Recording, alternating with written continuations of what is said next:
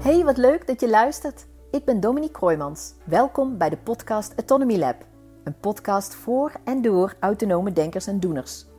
In deze podcast interview ik pioniers, eigenwijzers en andere kop boven het maaiveld uitstekers. Mensen met de autonome visie en aanpak. Jong, oud en iedereen daartussenin. Ik ben nieuwsgierig. Hoe vinden en houden zij hun eigen koers en hoe gaan ze om met triggers, twijfels en tegenkrachten? Deze interviews wissel ik af met mijn eigen visie en inzichten rondom autonoom leiderschap. En dat is nog niet alles. Je krijgt ook nog eens praktische informatie en handige tips over hoe je autonome zenuwstelsel je kan helpen bij jouw autonoom leiderschap. In deze aflevering vertelt Jens over hoe hij diens autonome koers vindt en houdt. En meer. Over het moeilijke en het mooie van anders zijn, over de verbindende kracht van kwetsbaarheid en over steeds weer opveren na tegenslag. Veel luisterplezier!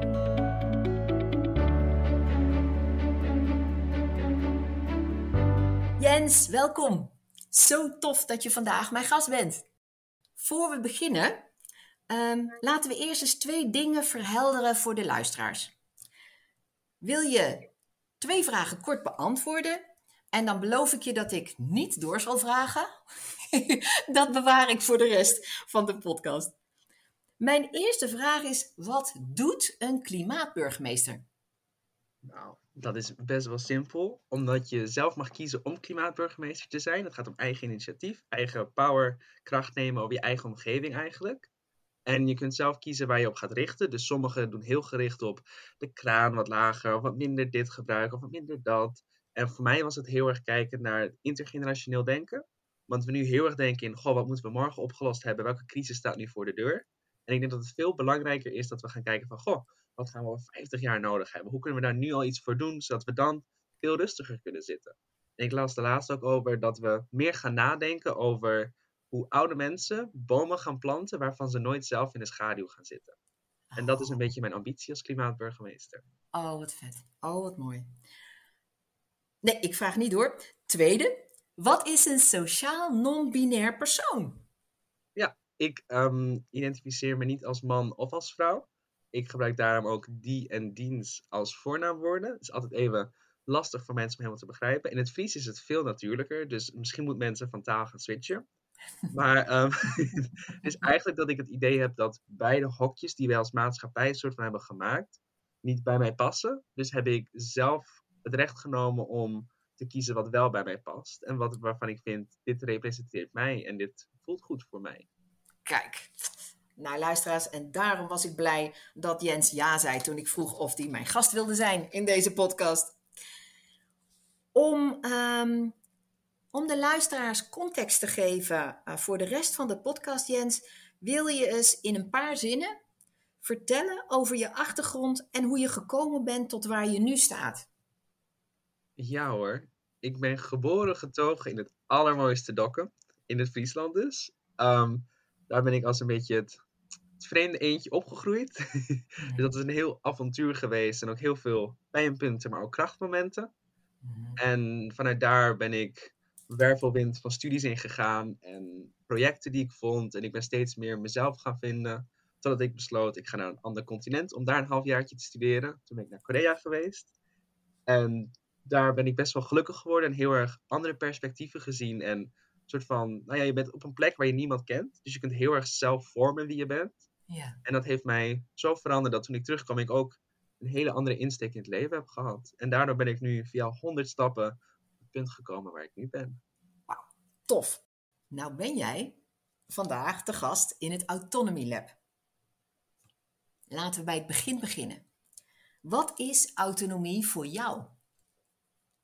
Ik denk dat je de kracht terugpakt van jezelf. Zodat jij zelf kunt beslissen hoe je toekomst wordt, hoe je reageert op situaties en wie jij als persoon bent. Omdat we als maatschappij heel erg geleerd hebben van, oh, dit ben jij, dus klaar, dat is het.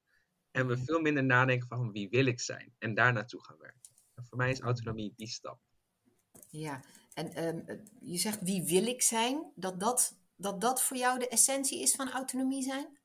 Begrijp ik dat goed? Ik zie dat als een heel belangrijk onderdeel ervan. Toch wel een van de kernpunten, als ik dat zelf zo zie. Omdat Ja. het nu gewoon, ja, je werkt naar iets toe en je staat niet vast in wie je nu bent. Maar je bent juist constant aan het groeien naar iemand.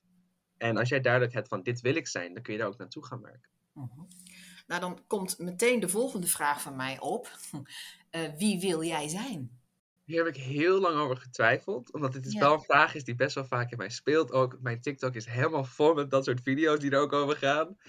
En het is best wel stressvol ergens om na te denken wie wil je zijn. Ook omdat ik best wel een... De formerende jaren van mijn leven ben ik heel depressief geweest. En daardoor een soort van mis je die jaren dat je ontdekt wie je wil zijn. Of wat je fijn vindt, wat je gelukkig maakt. Dus ik denk dat ik daar nog niet echt een concreet antwoord op heb. Behalve dan dat ik heel erg gelukkig, vrij en open wil zijn. Oké, gelukkig, vrij en open. Ja. Ehm, je noemt net even, in mijn formerende jaren eh, eh, was er depressiviteit. Ehm, kun je daar wat, wat meer over vertellen? Of is, in hoeverre dat ook relevant is geweest voor jouw visie over autonomie? Ja hoor, ik ben sinds mijn achtste chronisch depressief. Ehm, dat is best wel een groot deel van het leven. Ik zeg ook altijd van, ik ben meer jaren ongelukkig geweest dan ik, op de, dan ik gelukkig ben geweest. En ehm, dat heeft best wel een impact ook op hoe je jezelf ziet en je toekomstbeeld. En ook welke kansen je kunt hebben. Omdat je heel veel achter je hebt gelaten sociaal. Dus zie ik mezelf ook als iemand die een pittige achterstand heeft daardoor. Omdat ja, heel veel dingen leer je in die jaren. Mhm. En hoe kun je dan vormgeven aan je toekomst als je soort van de hele fundering niet hebt? Dus dat is Ja. ook best wel een strijd geweest waar ik mee bezig ben geweest. En kijken van, goh, hoe haal ik dat in? Of hoe vind ik mijzelf in dit pad nu? Omdat ik een heel stuk heb gemist die iedereen om me heen eigenlijk bijna wel gehad heeft. Ja. Ehm, hoe vind ik mijzelf, Jens? Hoe, hoe heb jij dat gedaan? Ik denk dat het is begonnen gewoon met heel veel goede voorbeelden tegenkomen van mensen. En dat ik eigenlijk daarop baseerde van, goh, ik denk dat ik heel gelukkig zou zijn als ik op die manier door de planeet zou kunnen gaan. Of als ik op die manier een moment kan ervaren. En dan heb je een soort van een richtlijn. En dan kun je het zelf langzaam gaan invullen met, oh, misschien als ik dit doe, leer ik er wat van. Of als ik deze poging probeer, kom ik er verder voor. Het is gewoon heel veel vallen en opstaan en ontdekken, wat werkt voor mij.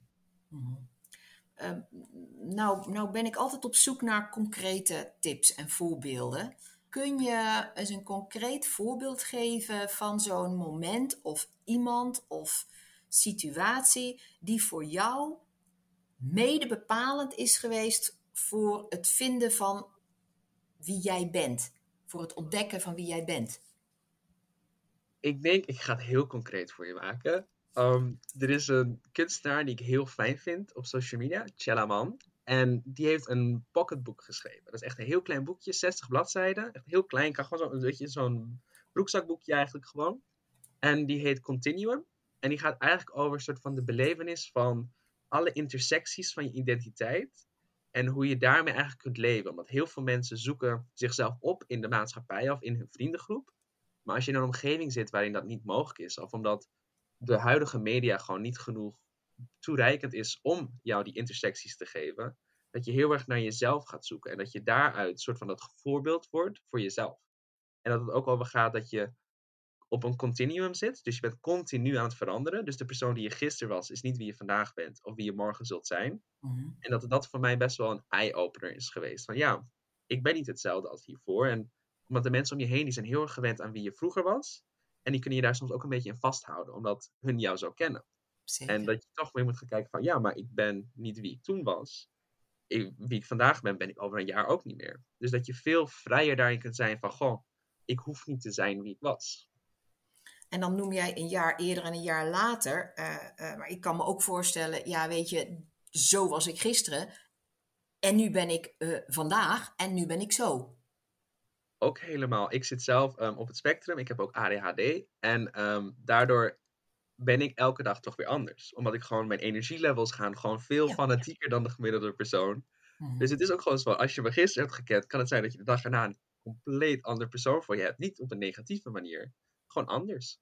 Ja, en ik kan, ik kan me voorstellen, Jens, dat, dat, dat als je op zoek bent hè, naar, eh, oké, wie ben ik dan? Dat, dat er dan ook een moment kan zijn dat je, oké, maar dit, dit is wie ik ben. En eh, dat dat inderdaad een vaststaand gegeven lijkt. En ik hoor je nou zeggen, dat check ik nou bij jou, ik hoor je nou zeggen, joh, ik ben gewoon voortdurend uh, in verandering en dat is prima. Ja, ik denk dat het, dat haalt die stress er ook vanaf van, oh, ik moet een doel bereiken. Het is veel meer, goh, waar wil ik naartoe? Niet, het doel is niet eens het einddoel, het is gewoon een richting. Voor de rest is alles vrij spel, geen druk op jezelf, gewoon ontdek wat je wil. En je zult ook onderweg daar naartoe tienduizend keer tegenkomen, oh, dit ben ik niet, dit zal ik niet zijn. En die momenten zijn net zo belangrijk. Hmm, oké, en jouw doel is uh, gelukkig vrij en open, hè? Hadden, we het net, uh, hadden we het net benoemd als, als een soort stippen aan de horizon. Precies. Precies dat, hè? Niet, niet vast omlijnd. Um, kun je een voorbeeld geven van dat je, hey, dit ben ik niet, concludeerde? Jawel. Ik heb wel vaker, uh, ik doe heel veel vrijwilligerswerk. En daarbij kom je ook op allemaal conferenties, organisaties en zo. En dan zie ik mensen hele mooie speeches geven en verhalen doen. En in die netwerksessies helemaal tot zichzelf komen. En ik heb heel lang die druk gevoeld dat ik dat ook moest kunnen. Weet je, dat ik zo'n zo'n borrel inloop en dat ik met iedereen een gesprek aan kan gaan. En ik had gisteren dus ook weer eentje. En ik stond er gewoon, ik was gewoon van, dit is gewoon echt niet wie ik ben. En dat vind ik helemaal oké eigenlijk wel. Ik vind het gewoon heel lastig. Ik kan de geluiden niet differentiëren. Ik kan gewoon niet mee in zo'n ruimte. En ik heb heel snel die druk van, oh, maar wat moet je kunnen? Want het is belangrijk, want netwerken en de toekomst en al dat soort leuke druk die we op onszelf gooien. En dat ik mhm. toch heel erg zoiets heb van, oké, maar dat werkt niet voor mij. Maar op zo'n dag maak ik wel veel hechtere connecties dan, oh, wat voor werk doe je? Uh, wat voor carrière heb je? Waar heb je gestudeerd? Waarom ben je hier? Dat we veel dieper dan dat gaan. En dat ik eigenlijk veel gelukkiger met zo'n connectie ben dan dat ik honderd mensen heel oppervlakkig kan spreken. En ik denk dat ik daarom zo'n moment heb van ja, dit is gewoon wie ik wel ben en dit is wie ik niet ben. Ja, ik snap het. Maar hoe, hoe doe jij dat dan? Ik denk, ik heb, ik heb er gisteren ook over nagedacht. Want ik was van ja, hoe gebeurt dit steeds zo? en um, ik kom dan mensen een soort van ik zie mensen die zelf niet helemaal op hun gemak zijn. En mijn hele doel is dan, oké, ik wil op mijn gemak zijn, want ik voel me ook ongemakkelijk. Dus ik stel me nu wat kwetsbaarder op. Ik probeer heel erg te kijken naar wat hebben die mensen op zo'n moment nodig. En vaak is dat ook alleen maar dat iemand gewoon met hen praat. Want ze staan er in zo'n zaal alleen. iedereen kent elkaar. Hun staan is van, goh, ik had ook wel een half uurtje later kunnen komen. Dat is ook een gedachte die wel eens mij heen gaat. En ja, als je dan toch op iemand afstaat en gewoon heel kwetsbaar ook gewoon toegeeft van ja, ik ken hier niemand en ik vind dit zo ongemakkelijk hè. En dat die mensen dan heel vaak toch best wel snel al moeten lachen. En dat je vanaf daar gewoon een heel natuurlijk opstappunt krijgt. Mooi. Ja, ik zie het ook terwijl je het zit te vertellen. Ik zie het gewoon helemaal voor me, Jens. Ik zie het helemaal gebeuren. Mooi. Um, nou heb ik gemerkt dat iedere autonome denker en doener persoonlijke verhalen heeft over tegenslag en weer opveren, over belangrijke kantelmomenten en inzichten en nou, misschien ook wel onverwachte hulpbronnen. Wat is nou het eerste verhaal dat bij jou opkomt als je denkt aan het vinden van jouw autonome koers? dus aan het vinden van jouw ontdekkingstocht van wie wil ik zijn? Ik denk dat het gaat om specifieke momenten dat ik mensen ben tegengekomen. Mhm. En dat hun kwetsbaarheid en openheid over hun eigen momenten van tegenslag en dat ze weer opkwamen. Een soort van het vertrouwen in mij dat ik dat ook zou kunnen. Voor mij daar toch wel echt kernmomenten zijn. In het andere hele kleine zijn. Maar dat ik gewoon iemand tegenkom en dat diegene heeft zo'n rotdag. En gaat er met zo'n glimlach door die rotdag heen, omdat ze weten dat de dag erna zoveel mooier gaat zijn, omdat het weer een andere dag is. Dat dat voor mij gewoon heel inspirerend is in zo'n moment. Van, oh, deze persoon kan dat. En het komt goed met deze persoon. Ik geef ook om deze persoon. En ze geloven dat het met mij ook goed kan komen. Waarom doe ik dat dan zelf nog niet helemaal? Mhm. En dat ik daar dan een omslag in kan maken, langzamerhand. Kun je een voorbeeld geven? Ik heb al een keer gehad. Het was best wel een pittige week. Ik was eerst heel, heel erg in strijd van, goh, wie ben ik, wat wil ik, weet je, weet je, richting het einde van de studie, dan krijg je dat soort momenten best wel vaak.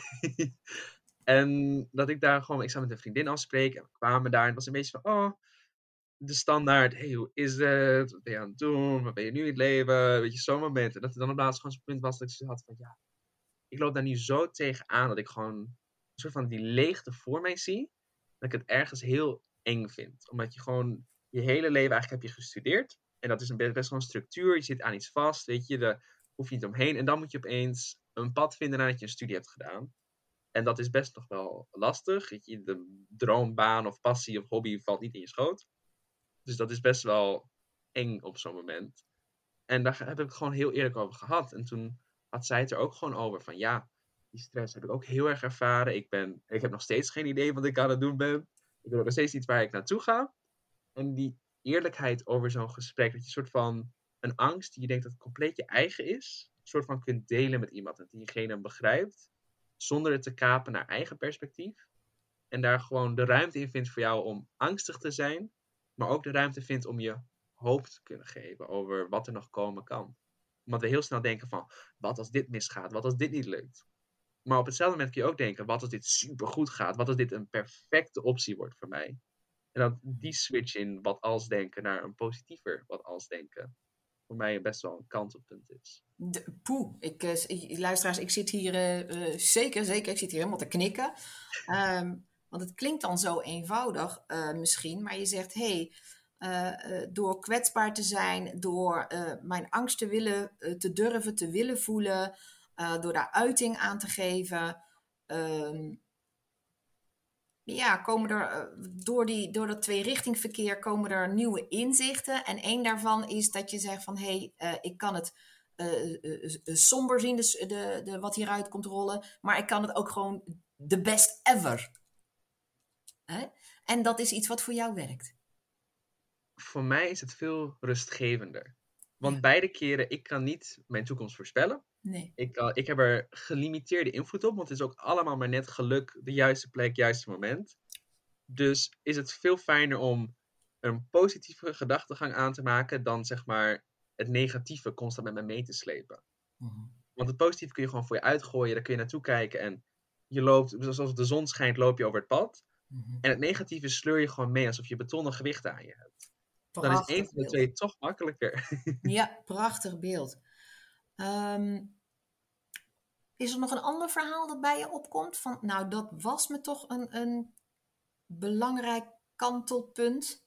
Ik denk um, het einde van een bestuursjaar dat ik heb gehad. Want het was best wel pittig en het was. Ik was niet zeg maar het standaard type persoon dat ze normaal zouden aannemen.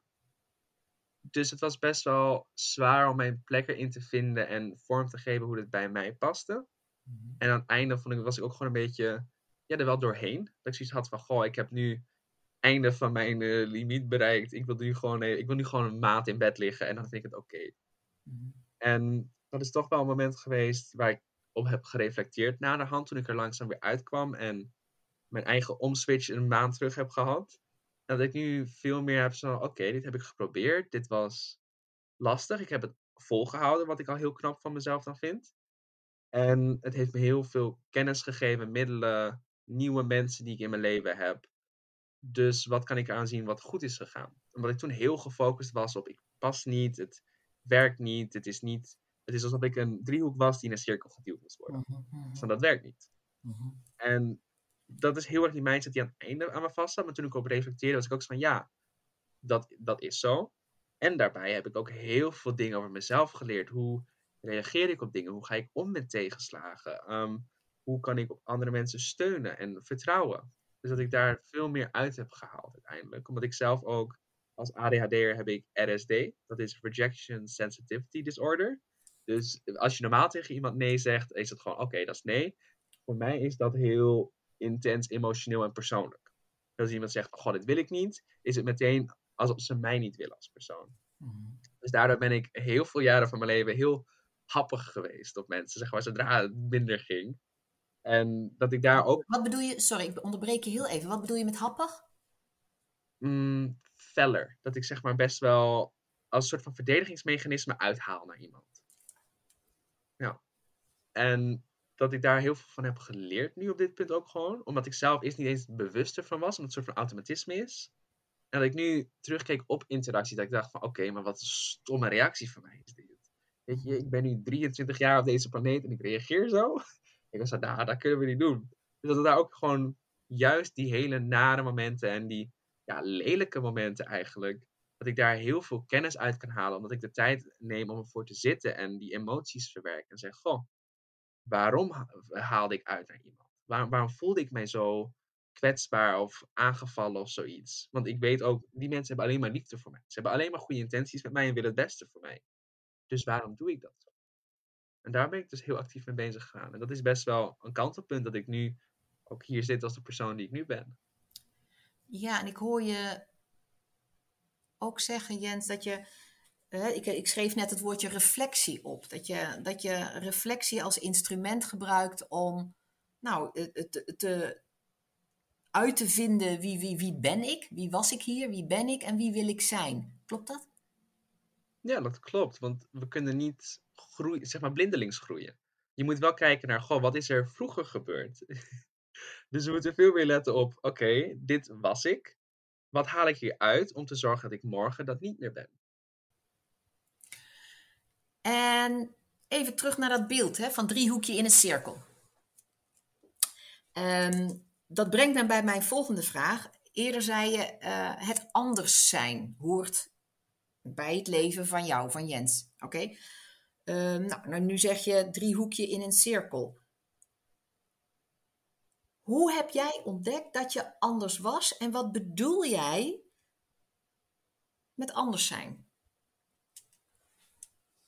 Ik denk dat ik zelf nooit heb ontdekt dat ik anders ben. Het is meer dat de mensen om mij heen mij vertellen dat ik anders ben. Dus dat is toch een hele andere belevenis. Omdat ik, ik zelf, ja, ik leef het leven zoals ik denk dat het leven geleefd moet worden. Ook een beetje een uh, tongtwister. Maar uh, daarbij is het gewoon, voor mij is alles heel normaal wat ik doe. Mhm. En op een of andere manier, ik heb ook in een restaurant gewerkt. En iedere keer als ik iets deed, kwam hij naar me toe die zei: Weet je, het is zo interessant om jou te zien. Want alles wat iedereen op deze specifieke manier doet, doe jij anders. Nooit is mijn eerste ingeving, ik doe het op de manier die blijkbaar maatschappelijk heel gewoon is. Ja. En dat is toch, ik, ik vind het helemaal geweldig, want ja, het werkt. Ik, op, ik kom er wel. Alleen, je ziet wel dat andere mensen daar een soort van ook van aangaan. En dan niet altijd op een positieve zin, soms ook wel op een negatieve zin. En dat je heel veel elkaar moet overtuigen van dingen. Dus als, ik, ik zie iets als heel logisch. Alleen mijn proces is dus heel anders dan die van een ander. Dus moet ik juist met die mensen in gesprek gaan.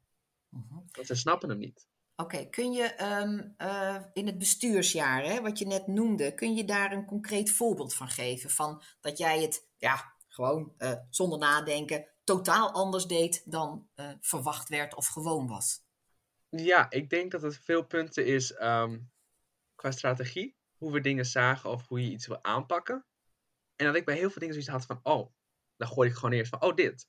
En dat gewoon iedereen die ruimte me aan zat te kijken van, ik snap niet hoe jij op deze conclusie bent gekomen. Ik weet niet, die, ze zagen maar bij A en toen eindigde ik bij Z, maar ze snappen niet welke ronde door het alfabet ik ben doorgegaan. Mhm. En dat het dan best wel lastig ook is voor mij, omdat ik het een heel simpel proces vind, dat ik dan soort van ook die frustratie voel van, hoezo snap je niet hoe ik hier ben gekomen? Mhm. En ja, ook weer leerpuntje dus. En dat het daar gewoon best wel die frictie komt, omdat je daar ook andere inzages krijgt in wat zijn belangrijke punten. Daarom is het ook zo belangrijk dat je juist andere perspectieven toevoegt aan elk gesprek. Want je anders gewoon een echo-kamer krijgt. En dat is heel leuk, want dan, iedereen heeft dan een beetje een streel over een ego gehad. En die zijn helemaal blij, die komen tevreden van, kijk, ik had gelijk. En juist dat confronterende van iedereen die net wat anders denkt. En elkaar eigenlijk nog net niet naar de keel grijpt omdat ze hun punt over willen brengen. Krijg je toch veel meer uit en kun je ook veel meer groei door ervaren. Omdat je wordt uitgedaagd om je punten te verdedigen, om een ander soort van uit te leggen wat jouw perspectief is. Niet om te overtuigen, maar wel om uit te leggen. En dat je juist daar ook die groei weer in zit. Ja, en als je dat, uh, want ik zit hier nou mee te knikken en ehm, tegelijkertijd um,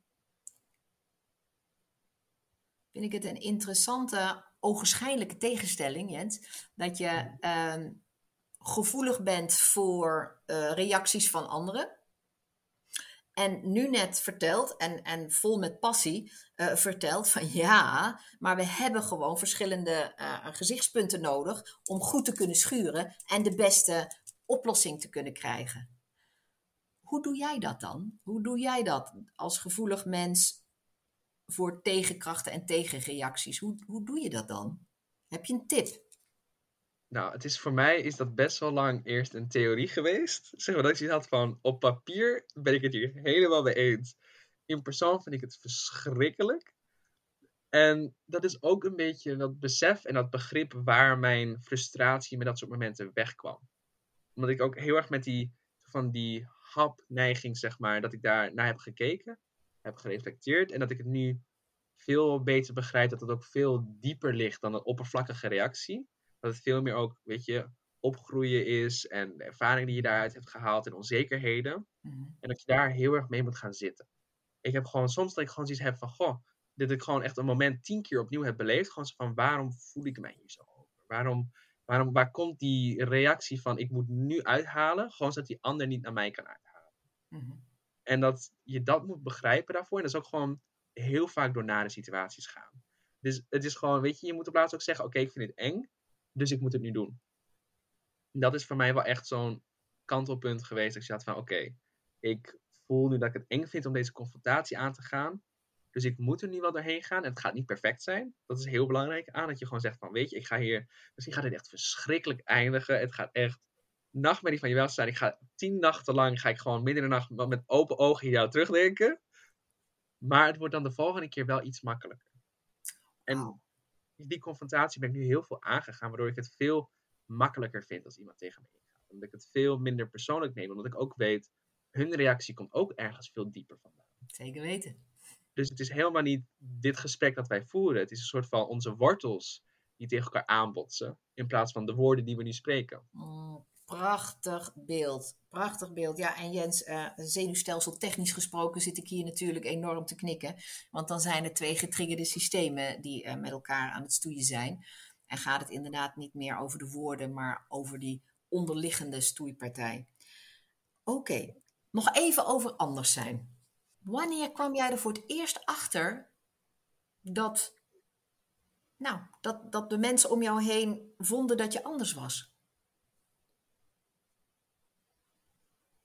Er zijn meerdere voorbeelden voor, omdat ik op veel manieren als anders gezien word. En ik denk dat de vroegste is geweest op de basisschool. Ik ging heel erg veel met de meiden om, super gezellig, weet je, doe je ding. Want ik, ja, het voetbal was niet helemaal mijn ding. En dat, wa- dat waren toch wel twee opties. Of je hield echt van voetbal, je deed mee daarmee, of je deed daar niet aan mee. En ehm, dat toch wel veel mensen dan de behoefte hadden om ehm, negatieve termen voor homoseksualiteit aan mij te schreeuwen daardoor. En daar heel fanatiek een beetje mij verandersten. Dat ik daardoor soort van buiten de groep werd gezet. Oké, dus je werd er buiten gezet. Je werd... Ja, want ik was dat wat ze mij noemden. Ik was niet gewoon een van de mensen daar. Ik was dat wat ik werd genoemd. Hmm. En op hetzelfde moment, meestal gemiddeld gezien genomen, de meiden vinden dat minder erg of zo. Die hebben zoiets van, oh prima. Alleen daar ben je ook niet, je bent niet deel van de meiden. Want bijvoorbeeld als er een, een ja, logeerpartijtje of zoiets was, dan je kon er niet bij blijven slapen. Want je was alsnog wel weer dan die jongen. En dat je daardoor een soort van systemisch buitengesloten wordt Ja. vooral ook in die belangrijke jaren, waarin je juist heel veel moet leren en heel kwetsbaar bent ook als kind. Omdat je, je weet eigenlijk niks, de wereld is best wel kil en je moet het ook maar overleven. En je groeit langzaam die onafhankelijkheid ook in, want zo, ja, zodra je naar de middelbare school gaat, doe je opeens veel meer. Je ziet je ouders niet meer, je gaat niet naar huis voor lunch. En toch veel zelfstandiger en verder weg van huis. En je wil bij een groep horen. Je, je, je, je wil bij een groep horen. Die fase is, is, is heel belangrijk. Ehm, hoe ging dat dan? Nou, bij een groep heb ik niet gehoord. Nee.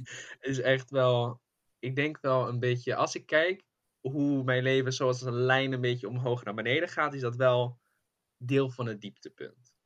Dat ik echt die eenzaamheid heb gevoeld en dat ik daarom ook nu zo erg zorg om anderen. Dat is echt heel Hmm. erg, ik, dat ik niemand wil dat ze zich zo voelen. En dat, dat, dat is een goed punt, maar op hetzelfde moment ook iets waardoor ik mezelf heel snel wegcijfer in gesprekken en de gebeurtenissen. Mhm. Dus dat het soort van wel een nasleep heeft gegeven die ik nog steeds ervaar en waar ik nog steeds van moet genezen eigenlijk. Ja. En, en waar je ook naar wil kijken en op reflecteren, et cetera, et cetera. Ja, ja, Ja. oké. Ehm, wat was hierin, in dat anders zijn, je moeilijkste en je mooiste moment? Ik denk het moeilijkste moment is het moment dat ik het wil opgeven. Hmm. Dat ik heel erg het idee had van, goh, ik ben te anders. Ik ga niet een thuis vinden. Ik ga niet een plek vinden waar ik mijzelf kan zijn. Ja. Want het is ook heel vermoeiend om constant een masker te moeten dragen. Ja. Op laatst, want dan draag je dat masker, maar wie ben je dan nog echt? En dat voelt heel erg als een performance. En dat is heel erg slopend toch wel weer. En dat ik op laatst iets had van, gewoon, dan kan ik net zo goed niet meer leven. Ja. En dat ik daar heel erg mee zat en hulp voor heb gehad en er heel erg zelf aan heb gewerkt. En nu op het punt ben dat ik mezelf daadwerkelijk helemaal gelukkig kan noemen. En een hoogtepunt erin is ook je kracht vinden in het anders zijn. Omdat ik juist iets heb van, oh maar het is zo mooi. En dat ik ook van vrienden hoor dat ze het zo, dat ze gewoon de energie die van mij straalt, dat ze daar zo gelukkig van wordt. Ook gewoon met vreemden waar ik hele diepe gesprekken mee heb, dat ze zeggen van, ja, nee, je viel me op toen ik binnenkwam. En je was zo vrolijk, zo open, zo energiek en zo accepterend van iedereen. En dat dat gevoel sterker is geworden. En ik denk dat het nu ook meer waard is dan het dieptepunt. Dat ik nu veel zoiets heb van ik schijn nu feller dan dat ik toen in het duister zat. Mm, prachtige zinnen. Prachtige zinnen, Jens. Ja, heb je door de weg die jij gegaan bent, hè, je sluit af met die, met die zin. Ik straal nou veel feller dan eh, eh, de duister waar ik in zat eerder. Als je nou een top drie of, of, of één tip zou, zou willen geven of mogen geven aan de luisteraar, wat zou je dan zeggen? Ik denk dat je heel selectief moet gaan zijn in wat voor energie je toelaat in je leven. Want ik heb best, en iedere persoon in je leven is best belangrijk. En ik heb wel mensen ingelaten waarvan ik dacht, je hebt me meer naar beneden getrokken dan dat je me hielp om omhoog te klimmen. En ik denk dat het heel belangrijk is dat je daar soms ook over nadenkt. Want soms zit je op een punt dat je gewoon denkt, ik heb iemand nodig in mijn leven. En het is juist belangrijk dat je begrijpt, ik heb niet altijd iemand nodig in mijn leven. Soms wil ik ook gewoon even met mezelf zitten, want dat is beter dan dat ik iemand binnenlaat die mij naar beneden gaat halen. En ik denk dat dat een punt is die ik zelfs best recent nog een beetje aan het leren, ontwikkelen en meer besef over aan het maken ben. Dat we uit angst en eenzaamheid stappen maken die ons echt niet helpen. En dat je daar wel scherp op moet zijn. Mhm, mhm. En ik hoor je, ehm, je probeert even samen te vatten, dat je zegt van hé, hey, eh, twee tips, even kijken of ik het goed begrepen heb hoor. Twee tips vis ik eruit van, wauw, soms is het, soms is het gewoon beter om ook met die moeilijkere emoties ehm, met je eigen gezelschap te zitten en daar niet iemand bij te vragen. Eh, en de tweede is, dus hè, overweeg dat. En de tweede is, als je er iemand bij vraagt, vraag dan hulp bij iemand die eh, jouw energie verheft en niet naar beneden trekt. Wees daar kritisch op, wees daar alert op. Klopt dat? Helemaal correct. Anders zijn, Jens, eh, brengt me bij de volgende vraag. Wat is jouw visie op authenticiteit in combinatie met autonomie? Ik denk dat ze heel erg aan elkaar verbonden zijn. Omdat je alleen als je echt jezelf bent op de manier die echt bij jou past, niet wat anderen van jou verwachten, dat je dan ook pas echt leiderschap over jezelf kunt nemen. Het is gewoon heel moeilijk om, als jij leeft zoals mensen van jou verwachten, dus oh, maatschappij wil dit, mijn vrienden om me heen verwachten dat ik zo ben, dan ben je niet meer in touch met wie je bent. Dus dan kun je ook niet autonoom zijn. Omdat je gewoon niet authentiek met jezelf bezig bent. En dan ga je eigenlijk andermans problemen verwerken in jezelf. Gewoon wat hun het op bij je opleggen. En dan verwar je het systeem alleen nog maar meer. Ja. Jouw van nature anders zijn, ehm, stel ik me voor, is hier ook echt wel eh, de, de, de, de vruchtbare bodem onder geweest. Van hoe jij kijkt naar authenticiteit en autonomie. Ja, dat denk ik wel. Ik heb ook nooit de kans gehad om, zeg maar, niet anders te zijn of helemaal mezelf. Omdat iedereen het gewoon echt van vier kilometer afstand gewoon kon ruiken. Dus het is ook gewoon, ik heb het niet kunnen verstoppen, ik heb het niet kunnen verbergen. En dan is het zoveel makkelijker om gewoon te omarmen op laatst. Want je hebt zoiets van, ja, wat ik ook doe, ze gaan me zien. Dus dan kan ik er net zo goed zelf heel veel plezier uithalen. En dat maakt het gewoon veel makkelijker dan wanneer je je kunt verbergen dan is het gewoon veel veiliger, veel minder kwetsbaar, veel minder kans dat, je, dat het misgaat. Dus dan doe je dat gewoon veel sneller. Ja. ja, dan is dat masker is verleidelijker en dan ga je die route op. En jij zegt, ja, eh, mensen ruiken het al van vier kilometer afstand. Dus ja, de, weet je, daar is geen winnen aan. Dus nou, dit is, dit is wie ik ben. I just do me. Nou kom ik bij de volgende vraag. Wat is voor jou gebleken? Wat is voor jou de belangrijkste eigenschap om autonoom te kunnen zijn? Ik denk doorzettingsvermogen omdat het heel erg een proces is van vallen. Heel, heel veel vallen. Mm. En als je na de eerste keer al zoiets hebt van dit wil ik niet weer, dan kun je er ook niet echt het einddoel dat je soort van voor ogen hebt bereiken. Omdat je dan gewoon te snel opgeeft en weer een afslag neemt en dan die angst over de keer dat het misging is dan groter dan de droom om er voorbij te komen en het nooit weer te hoeven vallen. Mhm. Dus ik denk dat voor mij dat dat wel de belangrijkste eigenschap daarbij is. Ja, doorzettingsvermogen. Um, heb je daar een voorbeeld van? Heb je daar een, een, concreet voorbeeld van dat je nou, daar een beroep op moest doen? Ja, ik heb best wel uh, mannenvrees door mijn eigen ervaring in het verleden. En ik merk dat dat, ik heb het hier ook vaak wel met therapeuten over gehad, dat het best wel moeilijk voor mij is om er overheen te komen.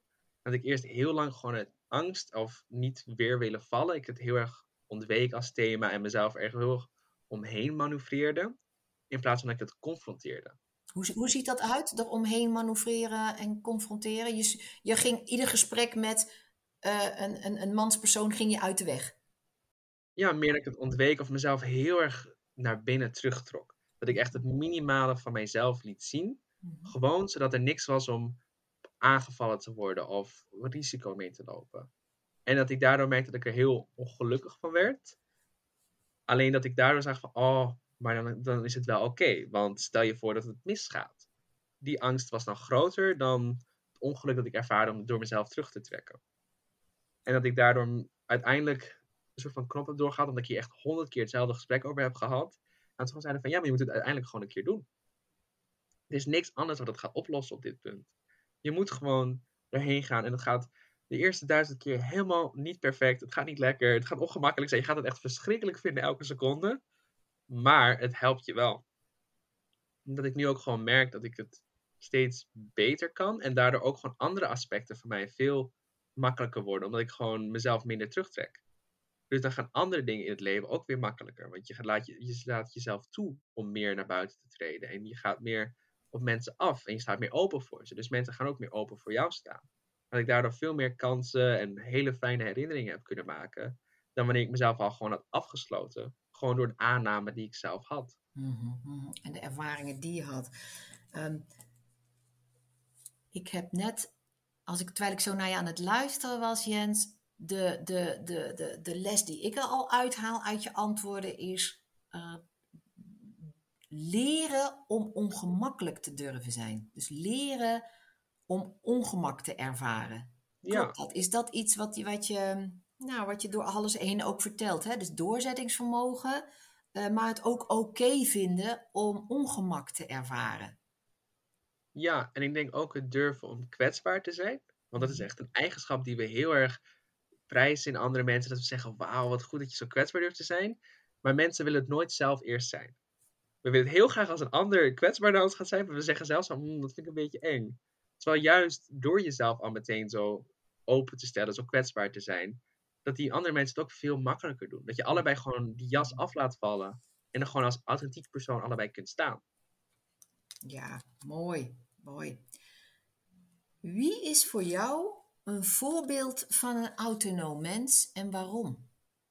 Dat is Alok dat is zelf ook een persoon die ehm, sociaal gezien anders is dan maatschappelijke verwachtingen. En die is er zo rustig over, zo kalm, zo zichzelf. En die wordt alles wat deze persoon doet, is sowieso overladen met haat. Echt heel veel passievolle haat. En die kan er met zoveel liefde en begrip over de pijn die onder die woorden ligt, het gesprek met diegene aan. Dat het, dat het gewoon niet gaat over, je hebt dit nare tegen mij gezegd, ik ga me verdedigen. Maar het eerder die zorg is van, wat naar dat jij deze pijn in je hebt. En dat je het zo de wereld inbrengt. Omdat jij zelf ergens in je wortels een probleem hebt.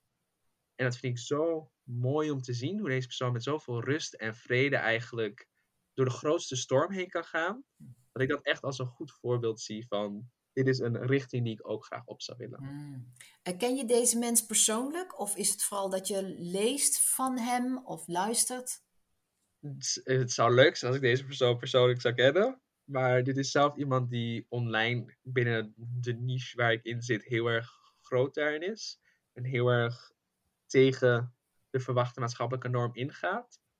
En dat ik daardoor diegene ken en als inspiratie ook voor vele anderen heb. Wat is de niche waar je hem daarin ontmoet hebt? Ehm, ik heb diegene ontmoet binnen een beetje het queer perspectief. En daarbij ook gewoon een beetje het leren van hoe is de situatie nu ontstaan door het verleden en pijn van generaties hiervoor. Dat, daar is deze persoon heel open over, heel direct over. En die geeft ook heel veel boeken die heel erg gaan over geschiedenis van wij als mensen die tegen de stroming ingaan, bestonden eeuwen terug ook al. Alleen dat is een geschiedenis die mensen ons niet leren op dit moment. En dat dat heel belangrijk is, dat dat perspectief soort van toegelicht wordt en dat mensen er ook kennis over krijgen. Omdat de argumenten van, oh, dit is populair de afgelopen twintig jaar, dat is gewoon niet accuraat of werkelijk. En dat het belangrijk is dat mensen daar kennis over hebben. Kijk. En dat brengt me weer bij de volgende vraag. Ehm, wat is of wie zijn voor jou belangrijke hulpbronnen? Als het gaat om bijvoorbeeld tegenslag of momenten dat je het even niet meer weet. Daar hoort deze mensen ook bij, begrijp ik. Zijn er nog andere hulpbronnen? Ik denk dat ik een mix van mens en object heb. Ik merk dat ik heel snel um, boeken induik als ik ergens tegen zit. Gewoon omdat ik heb een best wel een enthousiaste collectie boeken. en er zitten heel veel verhalen in van perspectieven die soort van mij begrijpen. En dan hoef ik niet met iemand over te spreken of expliciet het onderwerp aan te kaarten.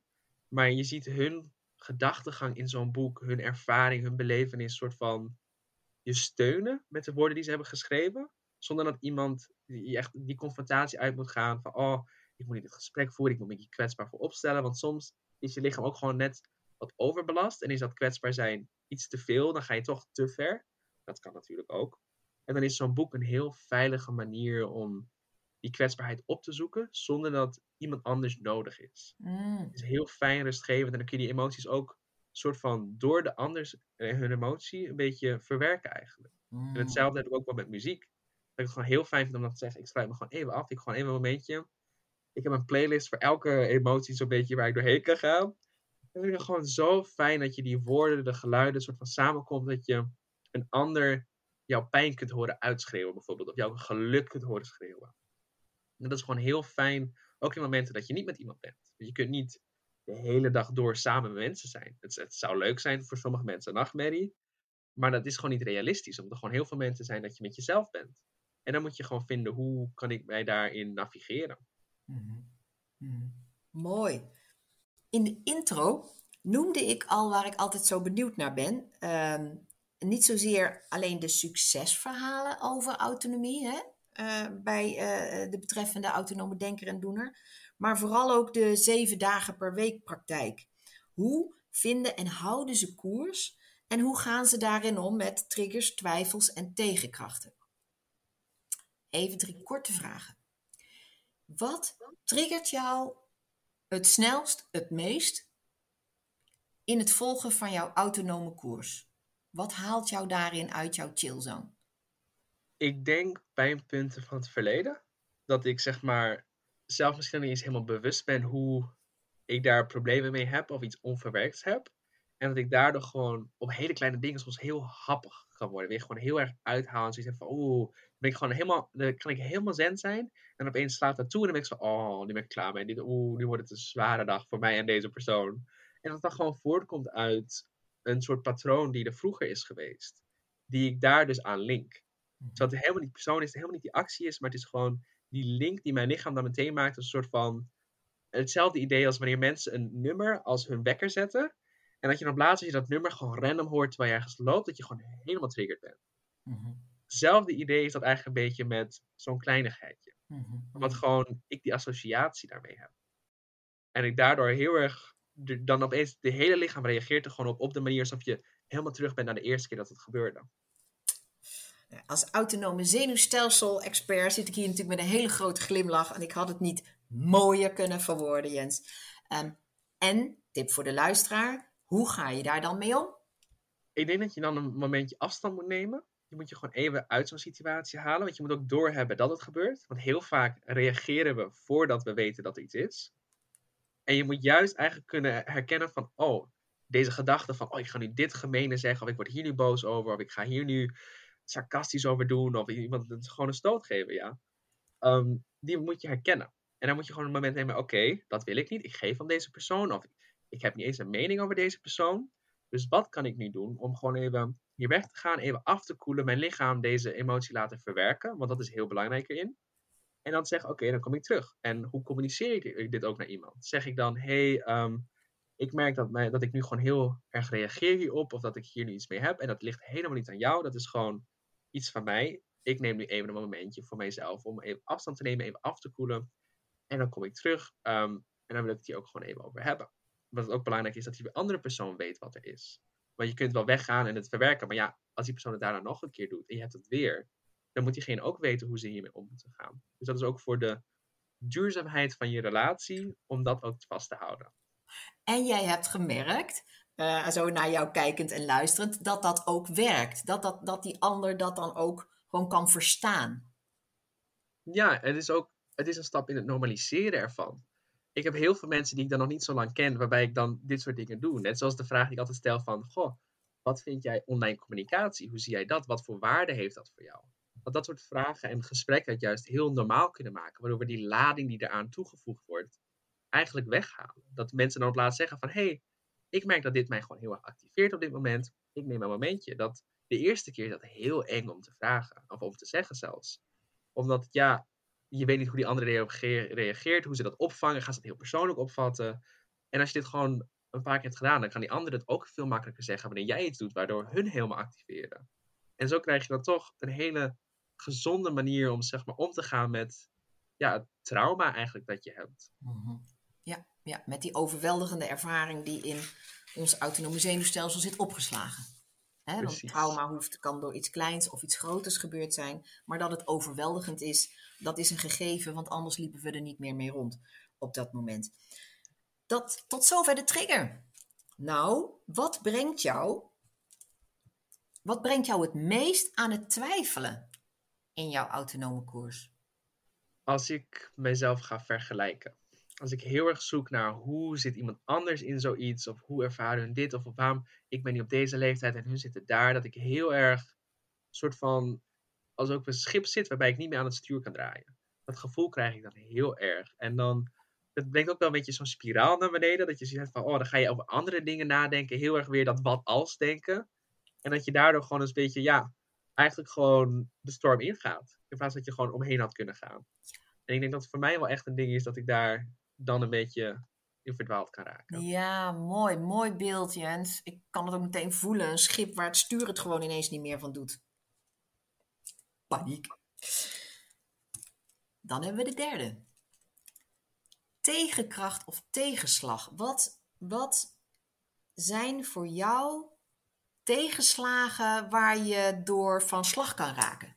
Uit koers kan raken? Ik denk de momenten waarop ik tegen iets aanloop waarvan ik dacht dat ik er overheen was gekomen.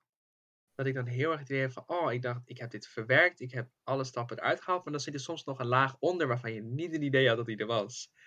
En dat dat gewoon heel ontmoedigend soms kan zijn. Want je dan denkt van, oh, weet je, ik ben heel trots op mezelf, ik heb dit gedaan, het gaat niet goed. En dat je dan weer in terugkomt. En het is dan heel makkelijk om daar een soort van, als een soort van drijfstand weer in te gaan zakken. En dat je daar gewoon door wordt opgezwolgen. En dat het juist dan zo'n moment, juist dat doorzettingsvermogen heel belangrijk is. Dat je zegt van, oké, ik ben hier weer ik ben hier eerder uitgekomen. Dus ik kan het nog een keer doen. Want dat is ook een heel belangrijk deel ervan. Dat je begrijpt dat iets nooit 100.000% opgelost is. Het kan altijd weer terugkomen. Dus je moet gewoon onthouden, hoe ben, heb ik dit vorige keer gedaan? Wat werkt voor mij? Wat zijn stappen die ik nu moet doen? In plaats van dat je meteen zegt van, oh, het is over. Het spel is voorbij, ik ben uitgespeeld, klaar. Ja, ik laat me zakken in het drijfzand. Ja, nou, je hebt meteen ook mijn vragen beantwoord. Heb je dan een tip om ermee om te gaan? Dank je wel daarvoor. Nou ben je enorm veelzijdig.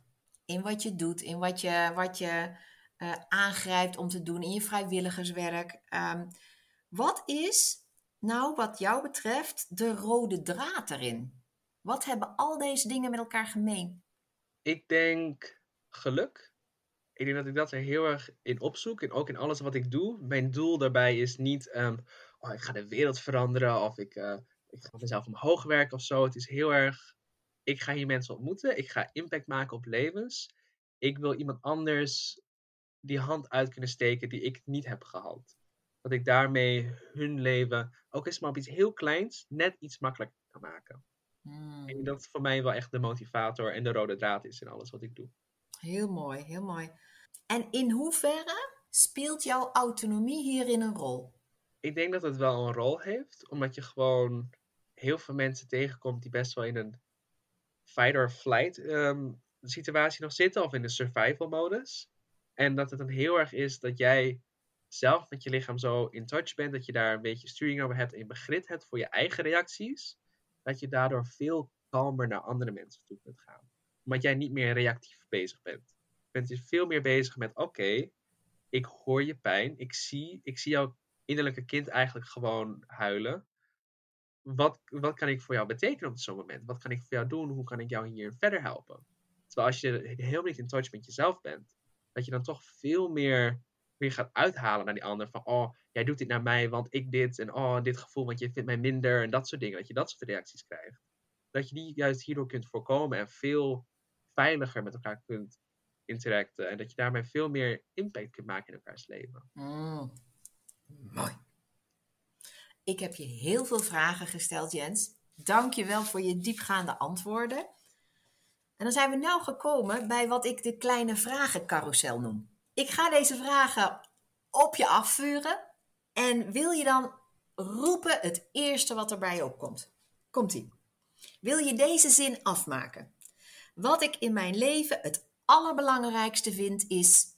Wat ik in mijn leven het allerbelangrijkste vind is geluk. Dat we elkaar kunnen vinden daarin. Mooi. Waar ik helemaal niks om geef.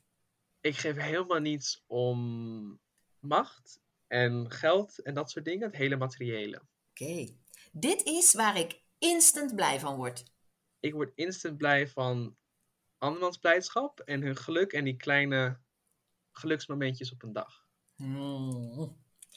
Dit boek las ik graag als kind. Ik las als kind heel graag de Grijze Jager-serie. Oh ja. Ja. Ik zal je geheim verklappen. Als volwassene las ik ze ook heel graag. Mijn kinderen lazen. Ik vond het zo'n vette serie. Oké, dit was de eerste gedachte die ik vanmorgen had toen ik wakker werd. Ik denk dat ik als eerste dag vandaag, goh, er is weer een nieuwe dag. Laat ik zien wat er vandaag gaat gebeuren. Ja, mooi. Dit concert of deze theatershow zal ik nooit vergeten. Ja, dan moet ik toch wel het concert van Merel zeggen. Dat, daar kan ik niet omheen. nice. Als ik een bucketlist zou maken, dan staat dit bovenaan. Ik denk dat bovenaan zou staan dat ik alle culturen op de aarde wil leren kennen. Oh, nice. En dan de laatste. Dit is de laatste toffe Netflix-serie die ik keek. De laatste toffe serie, die heb ik gisteren uitgekeken. Um, dat is volgens mij heet het The Bastard Son. En dat gaat over een persoon die zeg maar tussen twee werelden in is geboren. En daardoor nergens er echt in past. En zichzelf heel erg moet ontdekken, want tussen vooroordelen heel erg mee kan. Fantastisch! Dankjewel. Dit was de carousel.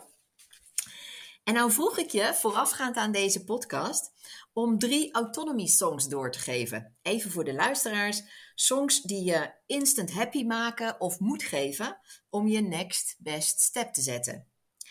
En uh, je stuurde mij Cure for Me van Aurora. Worth It van Haley Hendricks. Ik hoop dat ik het goed uitspreek. En O Antava, O O Antava van Indravati Chauhan. Jens, in het kort, waar gaan ze voor jou over? Um, Oeh, Antawa is heel erg gericht over een soort van. Het, voor mij het puberale verzet, soort van. Tegen een systeem dat je is opgelegd. Een soort van wat mensen van jou vinden op basis van hoe je je kleedt, wat je doet. En dat ze allemaal mening moeten hebben over wie je bent. En dat dit heel erg een soort kreet is van ik ben er klaar mee. En dat, want het gaat ook heel erg over feminisme in India zelf. Over hoe mannen mening hebben over wat vrouwen mogen en wat ze niet mogen. Dat ze heel erg zoiets hebben van wie ben jij om dat te zeggen. Een beetje dat geluid heel erg. En Cure for Me van Aurora is, gaat heel erg over ehm, het omarmen. Dat je niet geholpen hoeft te worden, gered hoeft te worden, of dat iemand je moet genezen. Dat het heel erg gaat om ik ben ik. En ik ben er heel blij mee in hoe dysfunctioneel of functioneel ik ook ben. Ik blijf ik. En dat is gewoon oké. Okay. Dus niet een eis van je moet zo zijn, dan ben je oké of zo. Het is gewoon nee, dit is deel van mij. Dat vind ik heel belangrijk. Nou ja, Worth It.